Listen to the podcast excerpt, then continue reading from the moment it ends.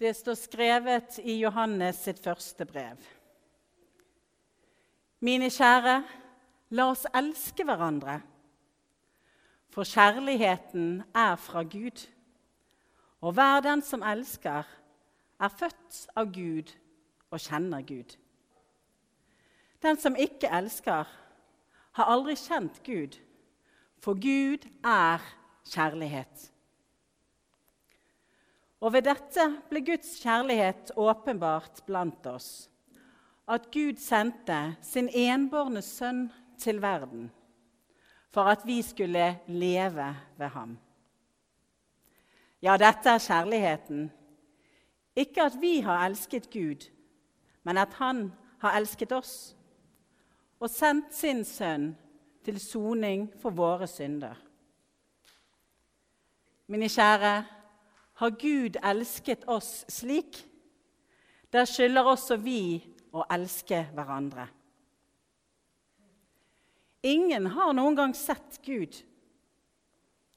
Men dersom vi elsker hverandre, blir Gud i oss, og hans kjærlighet er fullendt i oss.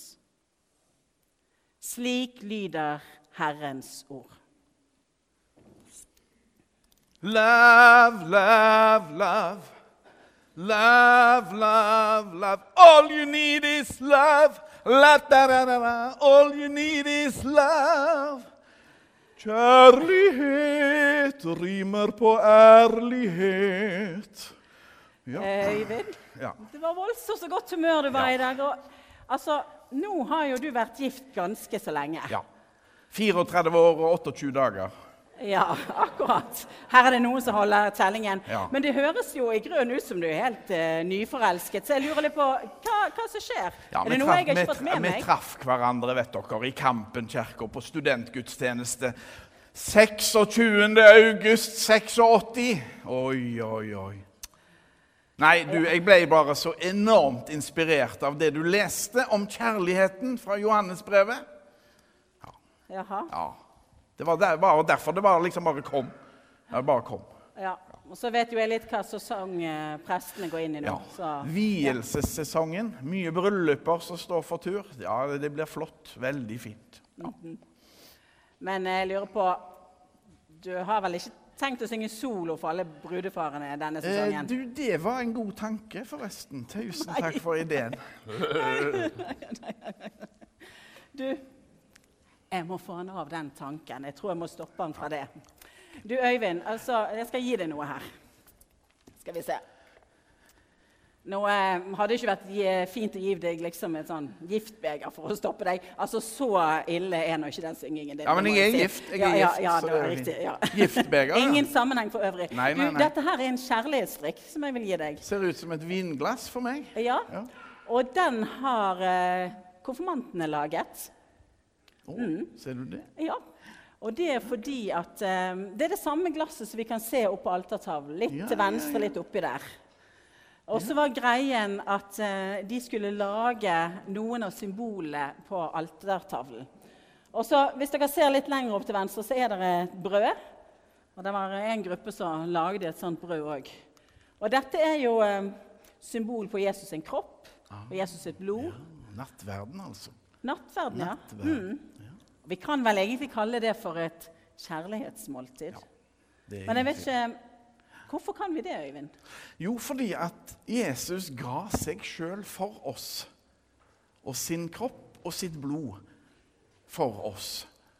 Og da kan vi feire det, slik som vi gjør det i nattverdmåltidet, med å minnes Jesus. Med å minnes hans og hans blod, og ta det imot i nattverdmåltidet. Og det fins vel ikke noe større kjærlighetsgjerning enn noen som har gitt sitt liv for oss.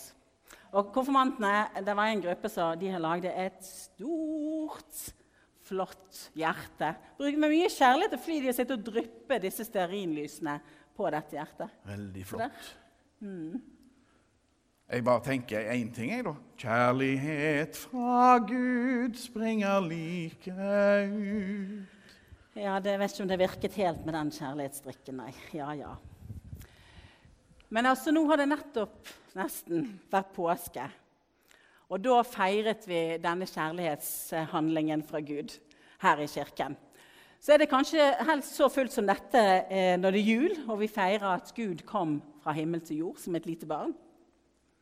Og det var vel eh, Del én eh, i denne bibelboken er vel at Gud skapte oss og hele universet. Del to at Jesus ble sendt for å være forbilde og hjelpe oss. Og del tre det som skjedde i påsken. Da ja, innstiftet Jesus nattverden på skjærtorsdag. På langfredag så markerte vi det at Jesus døde for oss. Og på påskemorgen ja, da feiret vi at Jesus, da han oppsto igjen, han vant over døden og kom med nytt liv. Og et nytt liv til oss òg. Som han deler med oss, og som vi kan få lov til å ha som et sånn håp der fremme om at vi òg skal få nytt liv en gang etter at vi dør. Men det konfirmanter satser vi på det er veldig lenge til. La oss komme tilbake igjen til Lura kirke og her og nå, dagen i dag. Det er dere som er hovedpersonene. Og i dag når dere kommer frem her etterpå og kneler ned, så i konfirmasjonshandlingen så bekrefter Gud sin kjærlighet til dere. Den kjærligheten som dere fikk i dåpen da dere ble en del av det kristne fellesskapet. Og Her i Lura kirke så er det symbolisert med dåpshjertene som ble hengt i eh, kirkeskipet, og med navn på de som blir døpt. Det var ikke akkurat sånn når dere ble døpt, men eh, sånn har det vært nå. Så det symboliserer det. En annen ting som en Lura menighet gjør, er at alle som blir døpt, får en dåpsklut. Den er som seg hør og bør hvit. Ikke så godt for dere der bak, og nesten ikke for dere konfirmanter heller, å se hva som er på den. Men her er altså strikket inn et hjerte. Og midt i hjertet er det strikket inn et kors, som symbol på den kjærlighetshandlingen. Og korset fulgte dere konfirmanter inn her i dag. Og vi skal følge det ut i livet etterpå. Og så er det en forgylt variant av korset oppe på altertavlen for å minnes om det som skjedde i påsken. At Jesus ga sitt liv for oss og ga oss nytt liv. Og ga oss håp. Håp i hverdagen her og nå. I alle de utfordringene som dere kommer til å møte. Og håp om at en dag så skal alt bli bare godt der fremme et sted en gang. Og tenk, det fins vel ikke noe mer større kjærlighet enn noen som har gitt sitt liv for et annet menneske. Du, hei. Hei, Marianne. Du, eh, har du noen gang tenkt på liksom dette her med Guds kjærlighet, og hvordan påvirker det oss egentlig i praksis?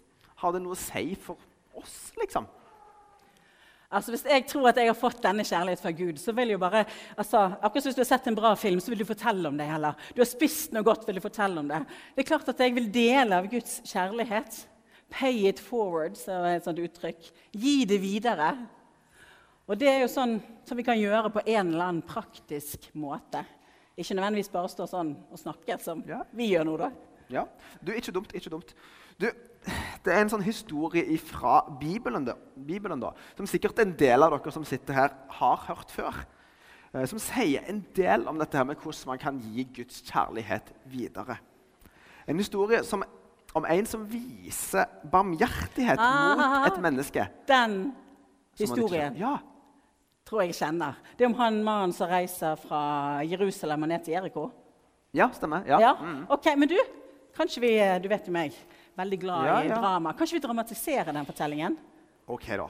Ja. Det. Jeg har nemlig noen ting her bak som gjør at jeg kan godt spille Ja, det har du jo, så klart. Har du det? Ja, alltid det her nå på lur. For i Bibelen der snakkes det ganske mye om et ord som kalles for nestekjærlighet. Altså om å elske og gjøre bra ting for menneskene rundt oss. Og ikke bare for de som uh, gjør gode ting for oss i utgangspunktet. Og òg de som er lengre vekke fra oss enn nærmeste familie og nærmeste venner og den slags. For Jesus han forteller det som vi gjerne kaller for en lignelse.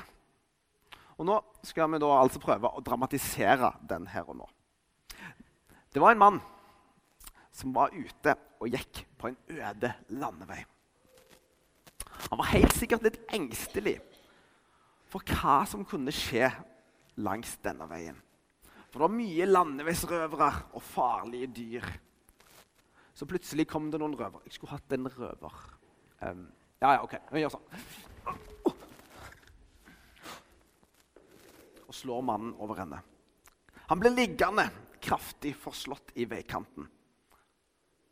Og når han har ligget der en stund, kanskje noen timer, så kanskje til og med en dag, så kommer det en prest forbi på vei til gudstjeneste. Og hadde det jo passa veldig fint. Jo, der kommer det en prest, ja. Flott. Mannen blir litt letta når han ser at det kommer en prest der borte. Og tenker at nå er Gud med meg her, som sender en prest for å hjelpe. Men presten så jo mannen, men han gikk bare forbi. Han turte ikke å hjelpe. Han var ikke villig til å være denne hjelpende hånda ifra Gud. Og Seinere på dagen når det begynner å bli kveld, så kommer det en levitt forbi. En levitt det var egentlig en litt mer fancy form for prest. Tenk litt sånn biskop og Han så denne her forslåtte mannen i veikanten men tenkte det var best å ikke liksom begynne å blande seg i andre greier. hadde du tross alt egentlig litt travelt. Og han gikk òg videre uten å hjelpe. Men så, folkens, så skjer det. Så kommer det en samaritan forbi. Det kommer en samaritan Samaritan. Kommer det ingen? I lignelsen som Jesus forteller, så kommer det i alle fall en samaritan. Han stopper opp og hjelper han som ligger nede. Løfter han opp på eselryggen og rir videre til nærmeste sykehus. Og betaler til og med for den hjelpen som han her trenger. Og Hvis vi liksom skal oversette denne historien og prøve å dra den litt sånn inn i uh, vår tid og inn i deres konfirmanter sitt liv, da kanskje, Uh, så kan vi tenke oss at her er det noen på skolen som blir fryst ut.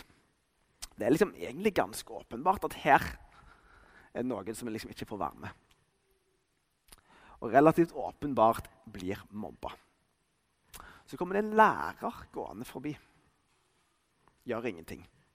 Ikke nok med det. Rektor kommer gående forbi uten å gjøre noen ting som helst. Men det som altså er vendepunktet i denne her historien, var jo at det kom en samaritan ridende på eselet sitt. En samaritan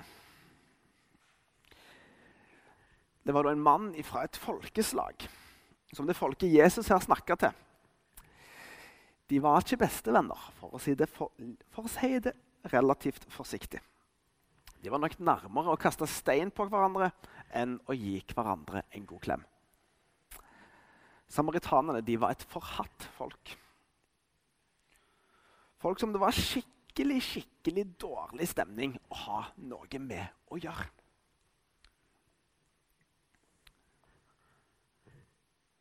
Altså, det var massevis av liksom, eh, mistenkeliggjøring, og folk ville, liksom, folk ville ikke ha noe med dem å gjøre. Selv om ikke nødvendigvis enkeltpersonen hadde gjort noe galt eller plaget noen i det hele tatt. Men tilfeldigvis tilhører et folk eller et land som gjør ting som en ikke var spesielt fan av. Poenget til Jesus her er at den som faktisk viste barmhjertighet, her, altså samaritanen Den som egentlig ingen likte, den som egentlig ingen ville ha noe med å gjøre det er den som stiller opp, bøyer seg ned, tar seg tid, og ikke minst som hjelper. Så hva er det Jesus her prøver å si oss, da? For det første så tror jeg at Jesus prøver å si noe om viktigheten av å ta seg tid til menneskene vi har rundt oss. Å stoppe opp og tenke Hvem kan jeg hjelpe i dag? Hvem kan jeg bety noe for? Hvem kan jeg vise Guds godhet og kjærlighet i dag?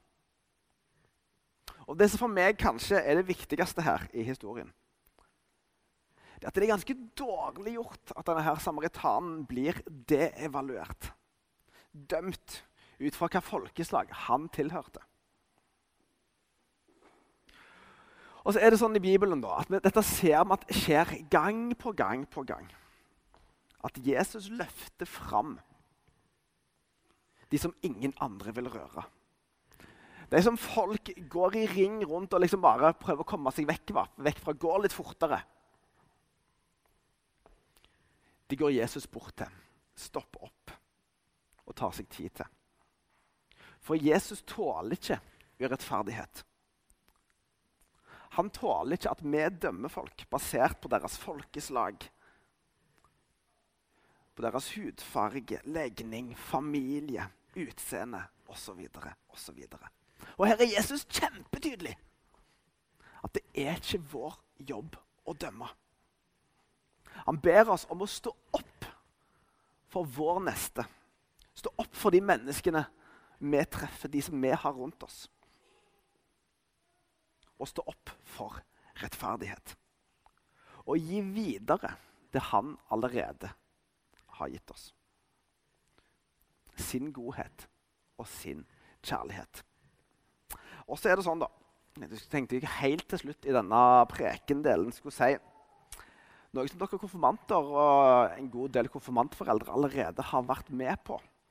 Som handler om å gjøre noe for ting vi faktisk mest sannsynlig ikke kjenner, kanskje aldri kommer til å møte noensinne.